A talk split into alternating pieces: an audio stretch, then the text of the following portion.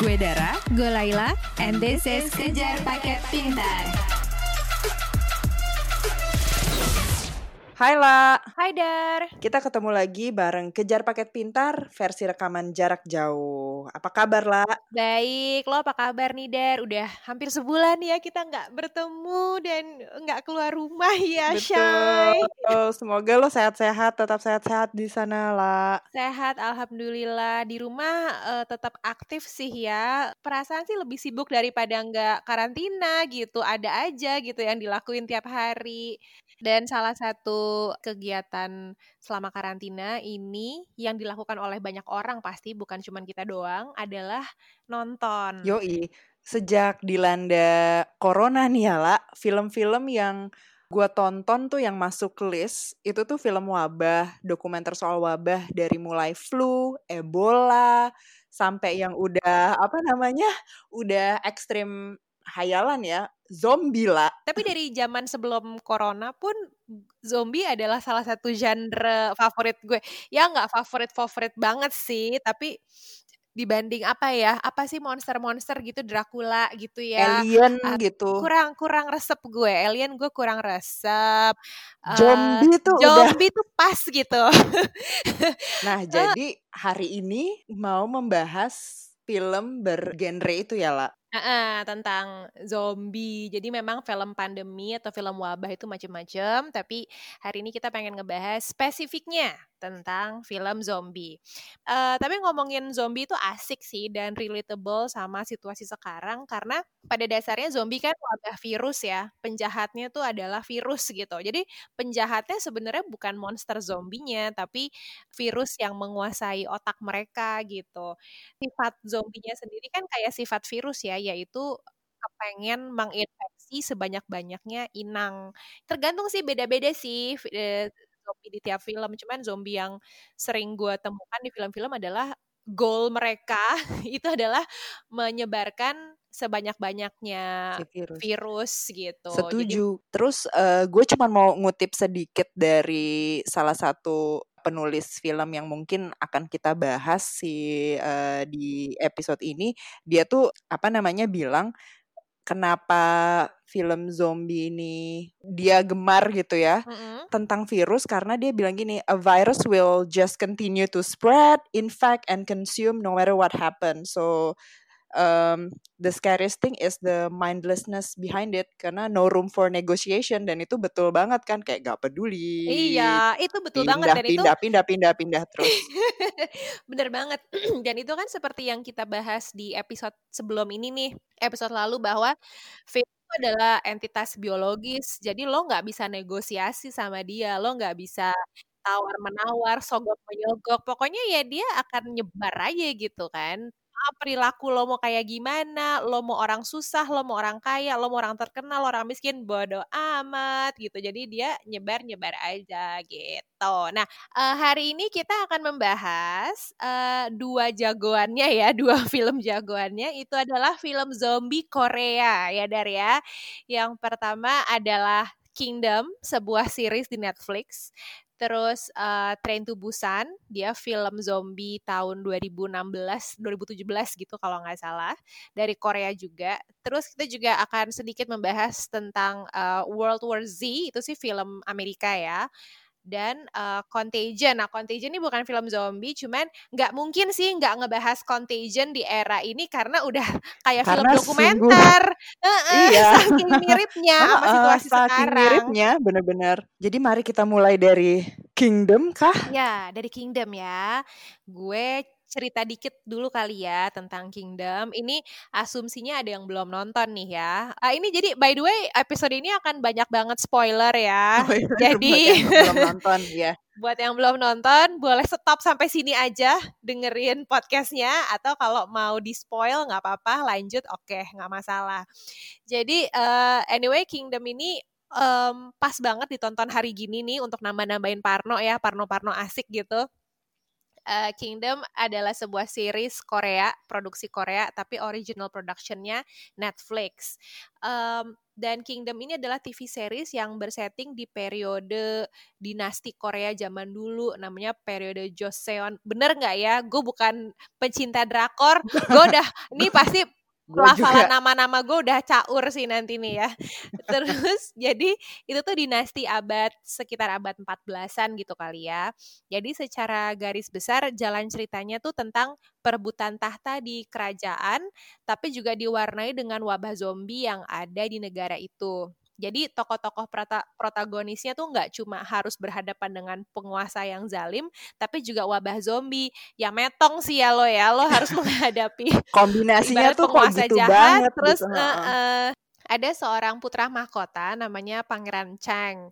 Dia karakternya tuh kalau di Game of Thrones tuh Jon Snow lah yang jagoan banget gitu ya, yang noble, jujur, baik, berani kayak wow gitu. Wow, kok ada manusia semulia ini. Iya, mm -hmm. iya.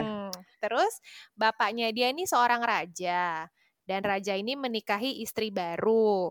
Istri barunya ini seorang perempuan muda dari klan Haiwon Cho. Sorry banget kalau pelafalannya jelek ya. Haiwon Cho. Jadi Haiwon Cho ini uh, banyak menduduki jabatan penting di kerajaan.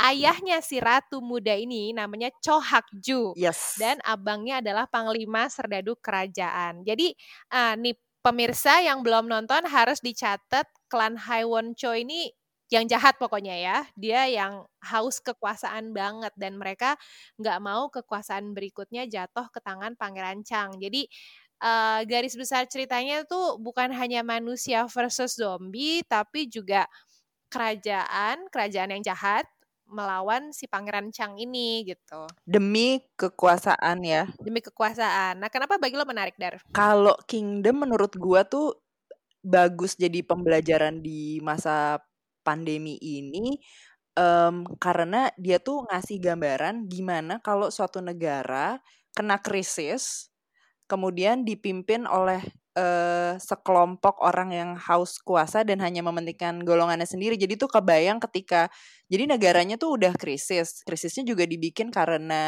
klan ini hanya ingin apa namanya dapat kuasa terus kan. Mm. Wabah itu tuh dimulai akibat Haiwon Cho ini menghalalkan segala cara kan lah. Menurut gue Kingdom tuh bagusnya di situ. Jadi kita kayak dapat gambaran gimana kalau dapat uh, penguasa negara yang begitu gitu. Jadi kalau kalau buat gue itu Kingdom ini menarik karena uh, misalnya Game of Thrones ya. Game of Thrones kan bukan bukan cuma tentang perang dan naga uh, Game of Thrones kan tentang politik sebenarnya. Oh, nah, betul. Kingdom juga. Jadi Kingdom itu bukan cuma tentang perang antara zombie dan manusia, tapi juga politisasi wabah virus. Jadi memang menurut gue film zombie yang bagus itu atau film wabah yang bagus tuh should never be about the zombies itself, tapi harus ada tentang psikologi manusianya, ada unsur drama yang bagus. Jadi nggak boleh cuman buat gue ya jangan cuma dar dar dor action kejar-kejaran bunuh-bunuhan zombie gitu nggak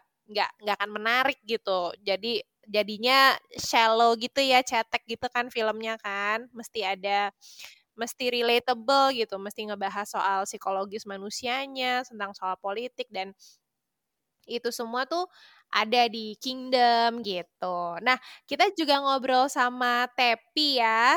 Ada yang nggak tahu Tepi nggak nih? tahu dong harusnya ya. Iya, gue tuh uh, Tepi tuh gua gara-gara waktu itu viral tulisan dia yang ngebahas uh, ayat-ayat cinta ya lah ya. iya iya gitu jadi uh, uh, tapi ini uh, Stephanie Josephine harusnya teman-teman udah pada tahu juga. Jadi dia itu blogger ya awalnya blogger dan dia itu tulisan yang paling kocak adalah kalau dia nge-review film gitu. Karena review filmnya ya suka-suka udel dia aja gitu kan. Yang dibahas juga filmnya seru-seru banget sih. Ayat-ayat cinta dua Azrax. Gimana nggak seru kan? Nah kita berhasil Jadi, ini ya lah ngajak dia ikutan ngobrol di di sini gitu. Nah, nodong Tepi untuk uh, kasih pendapat dia tentang film pandemi gitu, film wabah dan kebetulan Tepi juga baru aja nyelesain nonton Kingdom 2 season. Jadi kita dengar dulu deh ya apa kata Tepi soal Kingdom ini. sejauh ini gue suka banget sih sama pengemasan serialnya terus uh, apa uh, alur ceritanya, acting pemainnya, sinematografi dan lain-lain dan kalau di filmnya apa yang gue pelajari eh sorry dari serialnya yang gue pelajari uh, itu kan dia di masa dinasti gitu ya jadi kayak sekitar tahun 1500-an nggak peduli apa pun settingnya ternyata sifat sifat dasar manusia itu uh, kalau dalam situasi seperti ini tuh sangat tergambarkan lah intinya. Yang pemerintahnya ngambil sikapnya gimana yang gila kuasa yang seharusnya berkuasa tapi diselak orang terus, yang kejepit di tengah-tengah kayak misalnya tenaga medisnya. Kalau di Kingdom tuh si perawatnya, pokoknya orang-orang yang ngerti masalahnya apa tapi nggak punya power, terus ada rakyat biasa yang nggak tahu apa-apa dan uh, terjerat kemiskinan, makan susah dan lain-lain gitu. Bener-bener gue nonton ini kayaknya di waktu yang sangat tepat, kayaknya uh, ceritanya bener-bener menggambarkan keadaan sekarang. Terus um, yang gue uh, pelajari lagi dalam situasi seperti itu um, jangan nutup nutupin fakta. Justru kalau dalam keadaan kayak gini tuh semuanya harus uh, bergerak dengan sangat cepat harus saling bantu membantu udah nggak bisa deh lo kalau mau egois egoisan atau nutup nutupin sesuatu.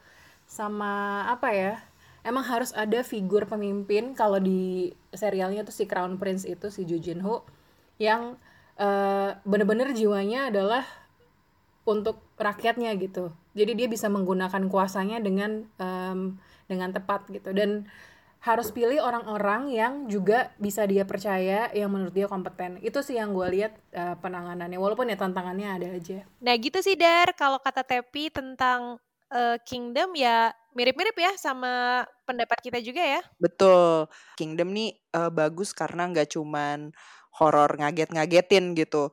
Kayak kalau gue ngeliat di sini gimana prioritas si Pangeran Chang ini uh, itu tuh nyelamatin seluruh rakyatnya. Jadi dia udah keadaan terpuruk gitu tetap mikirin gimana jalur logistik bisa tetap jalan, area yang paling menderita bisa dibantu dan kayaknya tuh dia juga punya keyakinan penuh sama science gitu. Jadi si peraw karakter perawat itu kan dia naruh kepercayaan penuh kayak ayo lo lo ya udah lo cari tahu gimana caranya si menghentikan infeksi ini gitu. Jadi memang kalau kata Tepi tadi film Kingdom ini relatable gitu ya. Karena di zaman apa pun, di negara mana pun sebenarnya sifat manusia tuh sama-sama aja gitu kelakuan ya kalau misalnya di dalam sebuah negara terjadi sebuah krisis, sebuah wabah, pandemi, itu kelihatan tuh asli-aslinya tuh, kelihatan wajah asli pemimpin tuh sifatnya kayak gimana gitu. Yang korup atau yang um, egois atau menting, mementingkan kepentingan sepihak itu pasti akan ya begitu akan mengorbankan rakyatnya gitu kan dan kesalahan-kesalahannya tuh pasti akan gitu-gitu aja tuh nggak um, mendengarkan orang yang ngerti gitu ya, doesn't listen to science gitu kan. Terus misalnya meng mengecilkan warning-warning awal, terus ya itu terlalu mem terlalu banyak mementingkan kepentingan pribadi gitu kalau kata Tepi tadi ya. Iya, kayak Tepi bilang yang kesalahan paling sering dilakukan tuh menyangkal nih juga persis yang kayak kita obrolin di episode lalu ya lah di Kingdom tuh juga dikasih lihat tuh gambaran gimana pejabat taruhlah pejabat daerah kayak di Kingdom kan si pangerannya datang ngasih tahu eh ada ini gitu. Tapi di daerah itu oh mana sih sih? Nggak percaya. Sampai akhirnya uh, baru percaya ya udah terlambat karena mereka belum nggak percaya karena belum melihat di sekitarnya ada gitu kan ketika baru percaya udah terlambat untuk ngumpulin segala macam infrastruktur gitu. Betul dan di kesempatan ini saya ingin menyapa Bapak Terawan Agus Putranto hey. dan juga Bapak Presiden Jokowi Joko Widodo dan yang agak bikin deg-degan Bapak Luhut Binsar Panjaitan.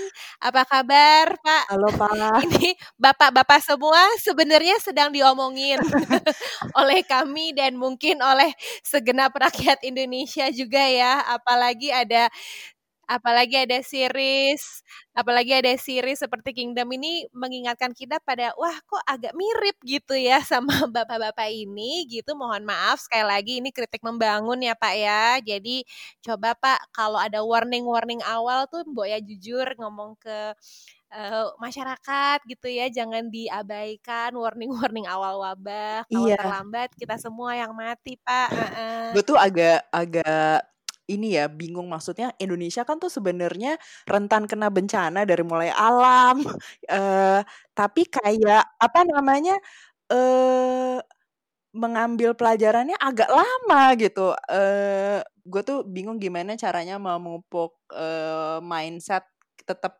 waspada karena kita harus selalu siap akan ada bencana tapi itu tetap uh, move on gitu tapi tanpa melupakan uh, uh, warning warning gitu kadar paniknya tuh harus pas gitu ya panik tuh nggak apa-apa kan uh -uh. harus pas jangan terlalu panik jangan kurang panik juga gitu dan gue rasa kalau kita bicara soal skill bertahan dalam sebuah wabah itu juga skill penting tuh ya tahu tahu paniknya tuh seberapa panik gitu. Lo panik boleh banget, lo harus save yourself dong, tapi jangan lupa untuk berpikir strategis juga gitu. Itu ada tuh di film selanjutnya yang ingin gue uh, obrolin juga sama lo lah. Train to Busan. Uh, jadi kalau tadi yang lo bilang kadar paniknya tuh mesti pas, kalau di Train to Busan juga menurut gue film itu tuh bagus banget mirip Kingdom gitu karena dia nggak cuman sekedar nakutin tapi dia ngasih lihat sisi psikologis orang uh, coping mechanism orang tuh beda-beda banget gitu. Banget. Oke, tapi sebelumnya mm-hmm. kita cerita dulu nih soal Train to Busan karena takutnya ada yang belum nonton kan. Train to Busan adalah film film zombie ya dari Korea uh, produksi 2016 atau 2017 gue lupa gitu. Nah, film ini tentang apa? Film ini tuh bercerita tentang sebuah wabah zombie yang menyerang Korea Selatan. Dan uh, film ini tuh cuma fokus pada satu settingan doang, satu setting, yaitu sebuah kereta antar kota. Kalau nggak salah dari Seoul, ibu kota Seoul ke Busan. Jadi film ini menyorot tentang sekelompok orang yang terjebak dengan segerombolan zombie di sebuah tempat sempit gitu ya, yaitu sebuah kereta. Gila Dan, sih, gue tuh ngebayangin zaman uh, kuliah naik KRL gitu ya lah. Satu aja ada zombie sih abis. Hmm. Dan di train tubusan tuh ya kita bisa ngeliat gimana antara yang egois atau yang memang solidaritasnya tuh tinggi gitu. Karena kalau di film zombie kayaknya gotong royong tuh lebih baik deh untuk apa untuk menyelamatkan diri bersama gitu. Banget banget. Jadi gue tuh yang gue sukain dari Train to Busan tuh sama kayak lo. Karena film Train to Busan tuh bukan cuma soal survival tapi juga tentang psikologi manusia. Jadi uh, spesifiknya gimana manusia akan bertindak dalam keadaan terjepit. Dan tadi bilang soal kerjasama itu banget sama kayak di Kingdom juga bahwa uh, bersatu kita teguh bercerai kita runtuh gitu kan. Itu kita harus uh, kerjasama karena gini karena virus itu um, kalau satu orang kena itu artinya kan nambah musuh buat kita. Benar. Kalau satu orang zombie, dia jadi zombie artinya nambah musuh buat kita. Dia nggak mati, tapi dia jadi zombie gitu kan. Dia jadi jadi musuh kita sama kayak coronavirus kalau satu orang ketularan, dia akan berpotensi nularin kita juga kan. Ibaratnya kasarnya satu orang e, bertambah satu orang kena virus artinya virus itu semakin dekat ke kita, potensi kita kena itu semakin gede juga. Jadi karena penularannya kan sangat cepat, jadi mau nggak mau we have to protect protect us all nggak bisa udah oke okay, lo lo aja yang kena gue kabur sendiri ya bye. Nggak bisa. Nggak bisa. Itu tuh kayak ya bisa bisa kita relate sama sekarang ketika makin banyak yang sakit ya tenaga medis yang garda depan itu yang paling kewalahan kan gitu. Kayak di train tubusan tuh ada satu karakter yang kayak gue benci banget tuh yang udah kayak bentukannya bapak-bapak pejabat mau nyelamatin diri sendiri dan dialah yang bikin bikin segalanya jadi kacau menurut gua ya gitu. Kalau di tren tubusan tuh memang uh, greed and selfishness itu akan membunuh semua orang gitu ya itu udah pasti. Tapi begitu sebelah ada yang kena gitu kan terus tiba-tiba dia masih itunya buat yang udah nonton Train to Busan pasti tahu ya maksud kita apa ya. Saat tokoh utamanya udah mau metong dia masih sempat-sempatnya flashback gitu zaman kan. jadi bapak itu menurut gue kayak hmm apakah ketika lo udah terinfeksi masih bisa terlalu sentimental begini ya? Gitu. Itulah bumbu-bumbu sentimental Korea Iya, ya. iya.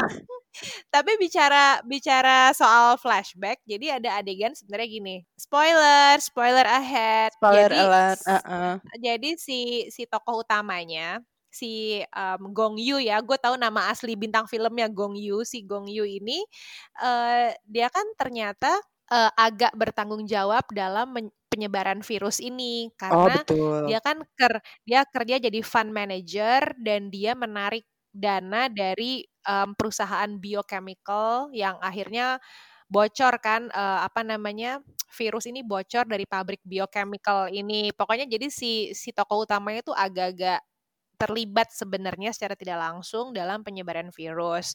Terus dia merasa berdosa banget tuh ada satu adegannya dia kayak cuci ta- cuci cuci darah darah-darah dari tangannya, literally washing the blood on his hands, terus sambil nangis gitu kan. Terus ya gue gue penasaran, I wonder apakah pejabat negara kita tuh merasakan penyesalan yang sama gitu Ih, ya, betul karena ya. mereka kan kurang lebih punya tanggung jawab yang agak sama ya atas pandemi corona di Indonesia. Secara tidak langsung iya. misalnya em, gerak yang lambat atau statement yang salah itu kan memperparah penyebaran corona di Indonesia gitu. Nah, film ketiga gua lah yang menurut gua sangat bisa apa namanya juga bagus dan bisa diambil pelajaran itu World War Z. Mm-mm. Ceritanya itu ngasih gambaran global ketika eh, kalau kayak Train to Busan atau Kingdom kan memang berpusat di Korea aja gitu kan. Kalau World War Z udah benar-benar ngasih lihat di tiap negara tuh gimana cara eh, menanggulanginya gitu. Nah, kalau yang udah nonton tapi belum baca bukunya, menurut gua tuh mesti baca bukunya. Gue baru baca bukunya juga sih. Ih, gue Gue belum baru loh. sampai chapter ketiga gitu. Chapter ketiga juga belum selesai. Di bukunya tuh lebih bagus lagi ngegambarin geopolitiknya dan gimana para pemimpin dunia tuh bisa kecolongan gitu. Gimana Cina nutupin apa yang terjadi. Agak mirip juga nih yang kayak di Wuhan kemarin gitu. Ada ada dokter yang mau ngasih warning tapi terus ditangkep gitu. Mm-mm. Ada egois egois egoisnya para pemimpin negara yang menyebabkan the great pandemic ini. Kalau di film kan eh belum berhasil sih itu itu itu itu baru mulai bahkan ya ending film tuh eh Baru apa mulai. Heeh, baru mulai. Jadi sebenarnya ini buat teman-teman yang belum nonton ataupun baca bukunya, eh, film World War Z itu diangkat dari buku gitu ya. Tapi kalau di bukunya itu bercerita ketika wabah zombinya udah parah udah eh, udah di parah. seluruh dunia gitu. Nah, Iya. tapi kalau di filmnya itu filmnya tuh mencerita menceritakan saat wabahnya baru mulai, saat wabahnya baru tersebar gitu kan. Dan tokoh utamanya eh, yang dimainkan oleh Brad Pitt, dia ini ceritanya mantan anggota UN ya Iya. mantan anggota eh, PBB, dia bagaimana dia berjuang di waktu yang sangat kepepet ini untuk mencari vaksinnya, maksudnya mencari apa ya solusi sementara gitu kan, gimana nih gitu vaksinnya gimana. Jadi filmnya tuh bercerita bagaimana Brad Pitt apa agak keliling dunia lah dari negara ke negara gitu mencari menyelidiki sifat virusnya kayak gimana dan berusaha mencari vaksinnya gitulah ya kira-kira ya. Jadi kan dia keliling tuh, keliling untuk awalnya nge-trace siapa si patient zero itu gitu. Kemudian sampai kalau di di filmnya itu kan dia ke Israel kan karena dia waktu pertamanya dia ke Korea diceritain eh, Israel itu duluan mengkarantina dirinya kan karena Betul. eh, udah udah dapet kayak intel duluan gitu. Jadi di buku ini dia eh, ke Israel ketemu si Intel ini terus dia nanya kalau bisa gitu Mm-mm. duluan mengkarantina diri gitu awalnya dapat intel yang cuman bilang eh ada zombie gitu kan semua orang nggak percaya jangan-jangan eh, ini cuman scam-scam aja gitu tapi Mm-mm. terus si Israel ini punya kebijakan kalau dari ada eh, sembilan orang menyimpulkan hal yang sama orang ke 10 ini harus uh, menyangkal tapi ngegali dulu gitu. Dia harus coba mematahkan kesimpulan dari sembilan ini kan gitu. Terus nah karena dia udah nge, uh, menggali menggali menggali ternyata memang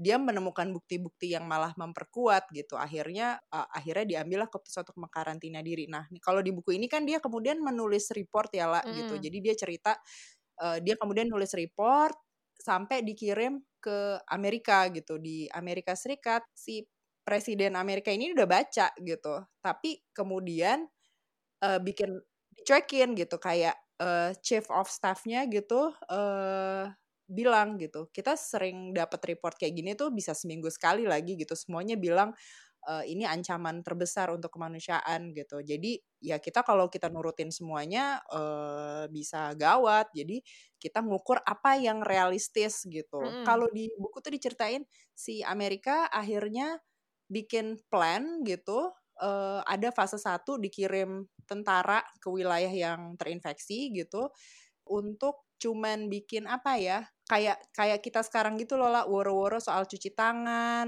protokol masker gitu tanpa ngasih tahu ancaman sebenarnya gitu jadi kalau di buku tuh gitu dia bilangnya memang daripada kita menyebabkan kepanikan besar kayaknya nih belum terbukti benar gitu itu ya sangkalan ternyata uh, terbukti malah bikin bencana kan gitu. Ini aja udah kelasnya Amerika gitu. Dan mirip banget sama sekarang kan. Mm-mm, memang sulit sih. Ya siapa bilang ya me- mengambil keputusan level negara tuh gampang ya jelas pasti susah banget. Itu yang salah satu hal yang menarik di World War Z. Jadi kalau menurut gue ya, secara film World War Z itu sebenarnya tipikal film action Amerika aja sih. Yeah, dar yeah. der dor dar der dor. Kalau secara cerita atau penuh penokohan filmnya ya menurut gue ya bagusan Train to Busan gitu Setuju. tapi Setuju. yang yang menarik yang menarik dari World War Z itu adalah gimana dia secara sekilas menunjukkan kelakuan tiap negara menghadapi uh, wabah zombie ini. Gue nggak baca bukunya, di bukunya pasti lebih dalam seperti yang lo bilang tadi. Tapi kok harus nonton kak? Baca maksudnya. Kok, eh kok harus nonton? Kok harus bacanya kak? Ih belum ada waktu kak iya. belum ada waktu ya. kak tapi nanti segera ya kak ya, ya, ya. tapi ya. gue kalau kalau film di filmnya tuh sedikit adalah yang dimasukin juga ke filmnya dari bukunya kayak tadi uh, soal di Israel itu mm -mm. mereka itu trauma sejak kejadian Olimpiade Munich tahun 72 kalau nggak salah kan kan ada teroris Palestina yang menyandera 11 uh, anggota tim Olimpiade Israel. Oh iya. Terus akhirnya dibunuh. Yeah. Jadi itu pokoknya tragedi buat Israel kan. Jadi sejak itu mereka itu nggak mau mengentengkan ancaman. Hmm. Kalau ada ancaman tuh mereka anggap serius gitu Israel. Nah, kalau di filmnya Israel itu mendapat uh, warning dari India. Jadi India itu bilang bahwa hey Israel kita sedang berperang melawan raksasa. Jadi raksasanya tuh ceritanya maksudnya zombie gitu kan.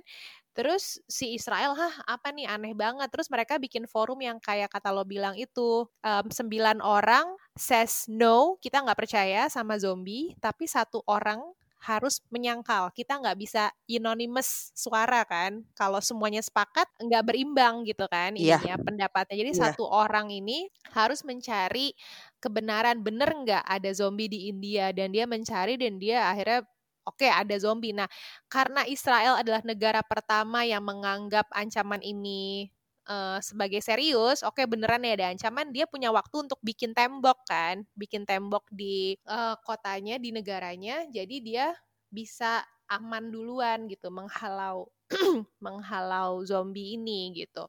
Terus negara lain yang menurut gue tuh kayak memang karakternya banget itu adalah Korea Utara. Jadi kalau di film itu dibilangin ketika wabahnya itu mulai masuk ke Korea Utara hanya dalam waktu 48 jam kalau nggak salah ya, jam waktu dua hari pemerintah Korea mencabut semua gigi rakyatnya. Betul. tak terkecuali ya kan? Uh, jadi, kan gak ada full gigit. semua giginya dicabut. Nggak ada yang bisa gigit gitu kan? Dan itu kayak wow Korea Utara banget sih gitu kan sifatnya gitu. Ngeri sih. Ya, terus ya, ya, ya ya Amerika ya begitu. Jadi pokoknya sih kelakuannya ya kelakuan negara masing-masing gitu. Gue yakin sih memang mungkin intel-intel setiap negara tuh datangnya sering banget ada ancaman ini, ancaman itu gitu. Tapi gimana ya caranya supaya uh, semuanya tuh dianggap serius gitu ya supaya nggak ada kecolongan-kecolongan lagi gitu. Uh, tapi ada, tapi gue menemukan pola yang sama. Misalnya kalau di World War Z, um, Israel itu trauma dengan Olimpiade Munich gitu ya. Wah di Olimpiade Munich uh, apa mereka mengentengkan ancaman dan akhirnya atletnya ada yang terbunuh. Uh, kalau di Asia itu yang gerak cepat itu adalah negara-negara yang trauma sama SARS kemarin. Kayak Taiwan, iya, betul, uh, betul. Singapura gitu kan mereka Hong Kong ya. Kayak dan mereka kan sempat ngerasain SARS kayaknya ya. Dan makanya Taiwan tuh gerak cepet banget. Dan akhirnya Taiwan jadi negara salah satu negara yang paling impactnya paling kecil gitu di coronavirus ini. Sama kalau kayak di uh, apa namanya uh, keadaan sekarang masyarakat tuh kadang kalau dikasih warning mengabaikan juga gitu ancaman-ancaman ini gitu. Betul. Nah. Uh, mengenai ancaman itu juga salah satu hal yang harus kita pegang gitu ya adalah believe in science, Setuju. believe in doctors dan uh, berilah para ilmuwan, para saintis, para dokter itu platform untuk berbicara. Jadi yang ngomong, yang kasih pesan layanan masyarakat tuh jangan cuma pemerintah yeah. atau apalagi militer yeah, gitu ya, yeah. tapi uh, scientist led scientist talk let doctors talk gitu. Ini ada yang menarik sih. Um, anak gue tuh kan juga ngikutin Kingdom ya. Uh, -huh. Terus dia itu ada pertanyaan. Jadi gini ada satu adegan di mana lagi-lagi spoiler uh, salah satu tokoh jahatnya si Cho Hak Ju ini sempat tergigit oleh zombie kan. Tapi uh, akhirnya bisa disembuhkan oleh tabib Seobi itu. Nah, padahal Mas aku lihatnya uh, itu. Uh, padahal Seobi ini adalah gengnya Pangeran Cheng, gengnya si baik gitu. Anak gue tuh nanya, kenapa sih si tabib ini nolongin si jahat gitu kan? Padahal kan uh, tabibnya juga tahu orang ini jahat, biarin aja gitu mati gitu. Nah, itu menarik sih. Gue ngasih jawabannya itu adalah karena dokter dari zaman dulu sampai sekarang itu sudah bersumpah untuk nyembuhin orang siapa pun Ih, dia. Jadi memang satu-satunya concern dokter itu harusnya adalah menyembuhkan terlepas dari kebisingan politik. Memang pasti kalau ada wabah kan pasti politik berisik banget ya. Yeah. Tapi uh, dokter atau saintis itu harus fokus tujuannya hanya satu yaitu cari cure yeah. secara ilmiah gitu. Jadi jangan terpengaruh dengan kebisingan politik itu juga penting sih kayaknya. Ih, bagus itu Raya menanyakan seperti itu kak. Ih betul ya kritis itu anakku ya Insya Allah ya. Dan kalau kejar paket pintar. Dan kalau aja tuh Subi nggak nggak nolong itu kan, gue gemes juga. Ih kenapa juga dia tolong? Kalau nggak gitu tuh dia nggak bisa neliti lebih jauh kelemahan si parasit itu kan. Betul gitu. Ternyata betul. Direndamnya. Direndam aja kak kayak cucian itu mati itu virus ya, ya Kak. Iya, itu itu pun baru baru kayaknya cuman feeling gue belum mati-mati amat sih, cuman dia baru bisa keluar aja gitu ya. Betul. Tapi kalau nih ya, terus jadinya gara-gara nonton film-film wabah-wabah ini jadi berpikir gitu, kalau memang udah terjadi pandemik dan udah susah di contain gitu ya, kayak World War Z, skill apa yang harus lo lo pupuk nih kak E gitu. Aduh. Uh, aduh. Gue tuh mencatat yang pertama tuh fisik kardio tuh lo mesti kuat hmm. karena ketika kalau pandemiknya itu kayak zombie gitu, zombie yang taruh kayak di tren tubusan, World War Z itu cepet gitu, kan lo harus lari ya, banget harus harus harus uh, harus kuat gitu. Iya. Itu tuh pertama tuh yang harus kau latih. Betul. Memang uh, kekuatan badan itu penting. Sebenarnya sama kayak coronavirus, kita harus kuat kan, oh, harus oh, uh, imunitas tubuh harus tinggi kan. Walaupun kalau di World War Z itu juga baru kamuflase sih ya gitu. Ketika lemah dia si virusnya harus nyari tubuh yang sehat, tubuh yang kuat ya gitu iya, tuh dilewati. Serba gitu. salah. Gitu. serba salah. serba salah banget. Sama uh, lo tuh keahlian mekanik tuh perlu deh. Mekanik ya. Nukang Nukang gitu. ya. Oh my god, paling gak tuh bisa lo gue ya Allah.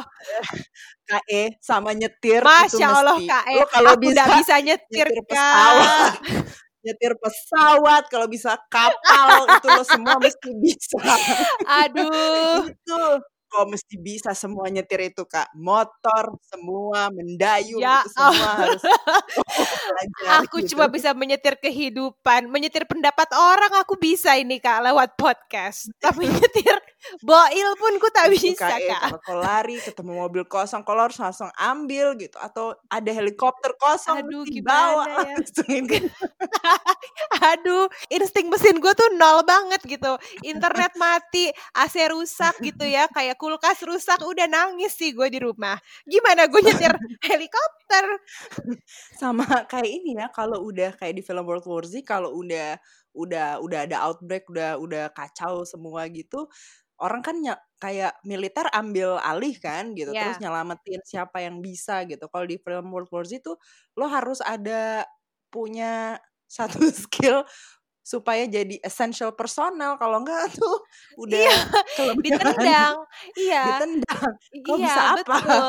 Lo kalau nonton film kayak misalnya Kingdom lagi ya, itu kan kayak di satu dalam satu kelompok satu geng gitu ya untuk melawan zombie itu iya. kan masing-masing orang tuh harus punya keahlian gitu kan. Apa keahlianmu? Aku bisa menyembuhkan. Oke, apa keahlianmu? Aku bisa main pedang, berani gitu. Kalau udah nggak punya keahlian, buat apa lo jadi beban masyarakat gitu? Iya, aku datang dengan, Hai kak, aku bisa podcasting nih, atau aku bisa baca puisi.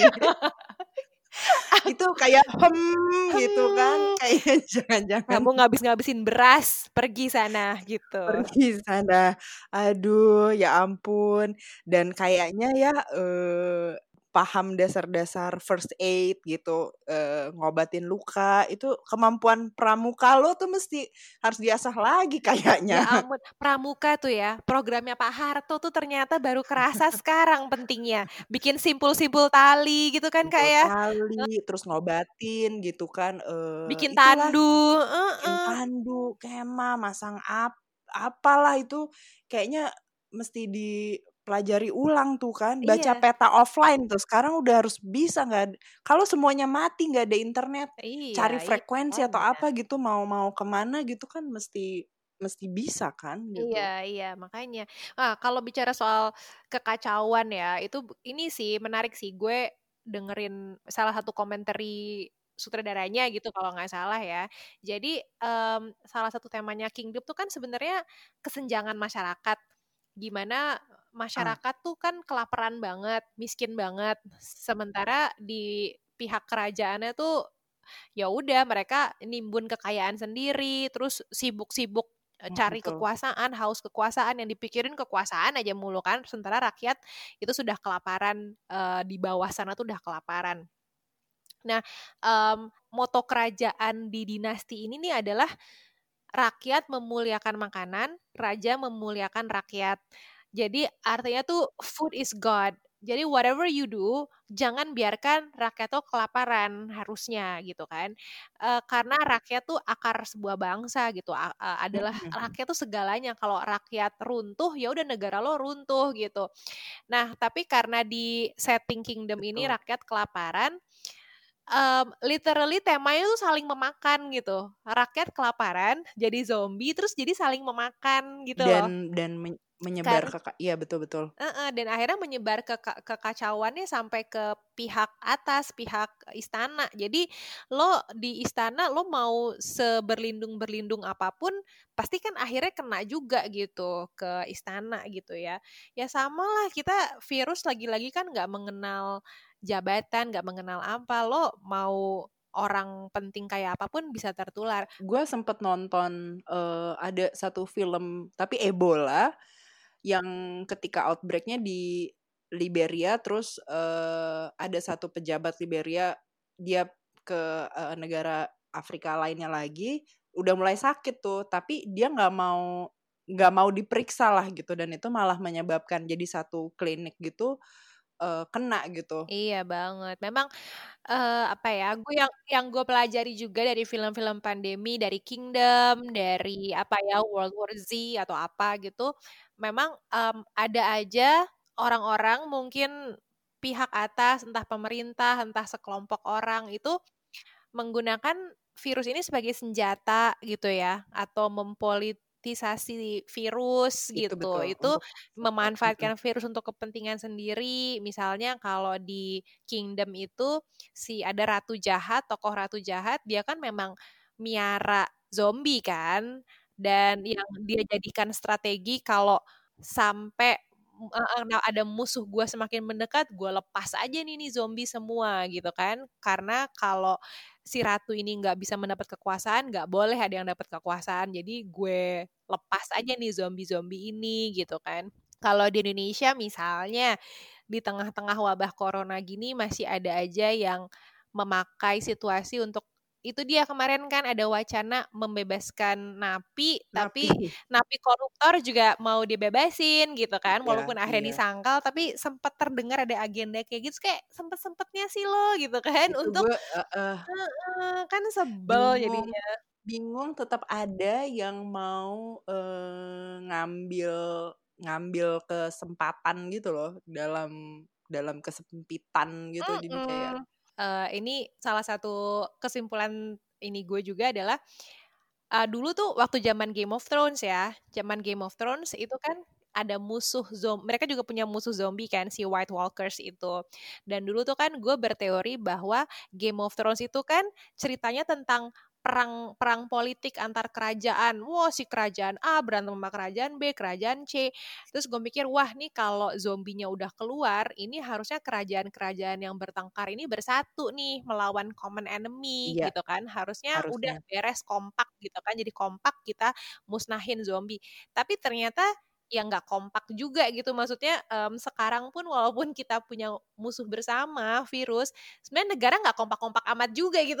Iya. banyak juga yang memanfaatkan situasi sama kayak di Kingdom gitu. Nggak nggak kompak-kompak juga gitu. Tetap aja ada yang politisasi. Tetap, iya itu tuh di di World War Z gitu. Kalau dari buku yang gue baca itu kayak di Iran lewat perbatasan dari India Pakistan gitu. Dia pengen ngajak kerjasama tapi di negara itu masih mikirin ego politiknya gitu mm. bahwa dia mau ngasih tahu eh kita uh, join forces deh gitu untuk ngejagain perbatasan gitu. Tapi dia nggak mau gitu kayak eh nggak bisa uh, di negara kita ada tentara negara lain nanti orang anggapnya kita emang mau ada perang gitu. Padahal kan demi common enemy gitu tapi tetap aja ego-ego ini nih ego-ego ini harus diberantas ya. Gimana coba? Betul. Eh, sebenarnya Kak, kita lupa bahas contagion tapi ya udahlah ya. ya udah nggak apa-apa. kita kita selipin dikit dilupakan ya. Betul. Selipin dikit. Jadi cerita dikit soal Contagion. Contagion ini film lama ya, film 2011 atau 2010 gitu kalau nggak salah.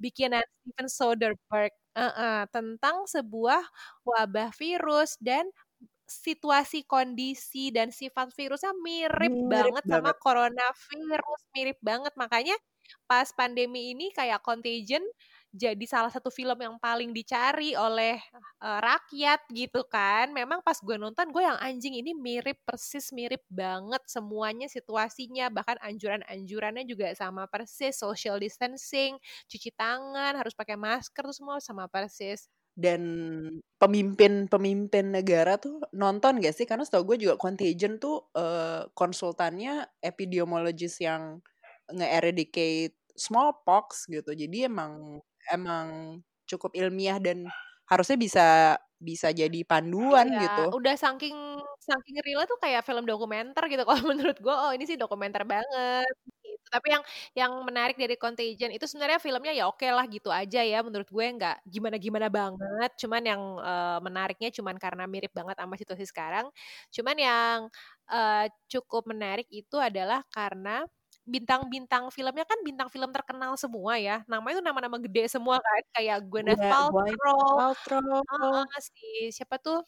Matt Damon, Matt Damon, Kate Winslet, Marion, Marion Cotillard. Marion Cotillard. Pokoknya semua kayak beken semua, tapi uh, dua tokoh besarnya lagi-lagi spoiler ya itu kayak uh, Gwyneth Paltrow sama Kate Winslet tuh kayak 10 menit pertama mati kan kayak langsung Iya. mati gitu Heeh. terus Kate Winslet mati Terus kayak buat apa lo mahal-mahal bayar orang terus dimatiin cepet banget gitu kan cuman kata kata netizen yang pinter sih bilangnya ya ya ini tuh simbolis menunjukkan bahwa uh, virus tuh bisa mematikan siapa pun gitu lo mau mau nama besar mau beken mau apa virus tuh bisa mematikan lo gitu. Kalau kata netizen gue yang hmm, ya oke lah gue terima gitu kan pendapatnya.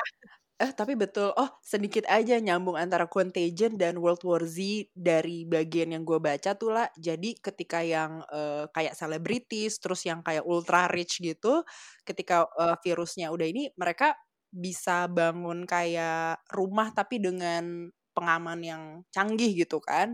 Nah ketika ada orang-orang biasa eh, tahu si orang-orang kaya atau selebritis ini punya tempat itu, mereka jadi kayak cari minta tolong pengamanan kan gitu. Mereka datang ke sana, tapi ya itu balik lagi eh, egoisnya mungkin lebih mena- memenangkan ini ya gitu. Jadi malah malah saling bunuh bukan virusnya sebelum virusnya kena ke mereka, mereka eh, malah bunuhin orang-orang yang minta pertolongan gitu. Jadi kayak mir- miris juga sih gitu. Jadi ya berharap sih kalau sekarang pandemi ini cepat mereda gitu tanpa ada kekacauan. Iya, solidaritas sosial itu penting banget. eh, seperti yang ditunjukkan di Kingdom, di Train to Busan.